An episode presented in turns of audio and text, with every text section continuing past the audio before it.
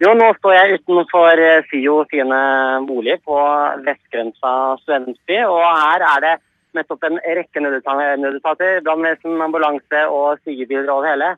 Fordi, eh, som jeg snakket med akkurat med innsatsleder i politiet, og det har vært eh, brann i en av bygningene her.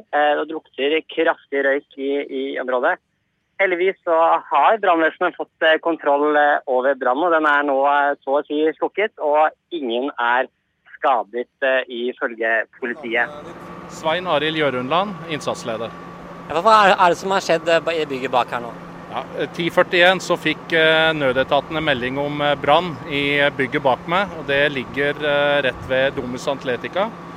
Og Der skulle det være full fyr i en leilighet i sjette etasje. Nødetaten var raskt på stedet og fikk kontroll.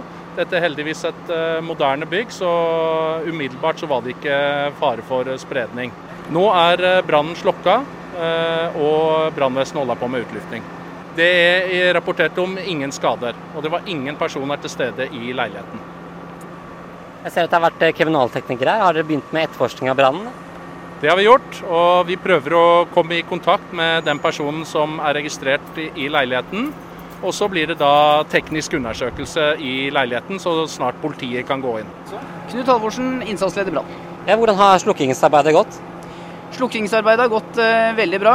Eh, den brannen her ble varsla som en automatisk brannalarm. Så når vi, våre biler kom fram, så var det en fullt utvikla leilighetsbrann eh, uten noe særlig brannspredning. Og den slokka vi da med en gang.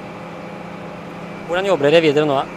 Nå jobber vi med å kontrollere rundt vinduet bl.a. for å se om vi har noe brannspredning i fasaden.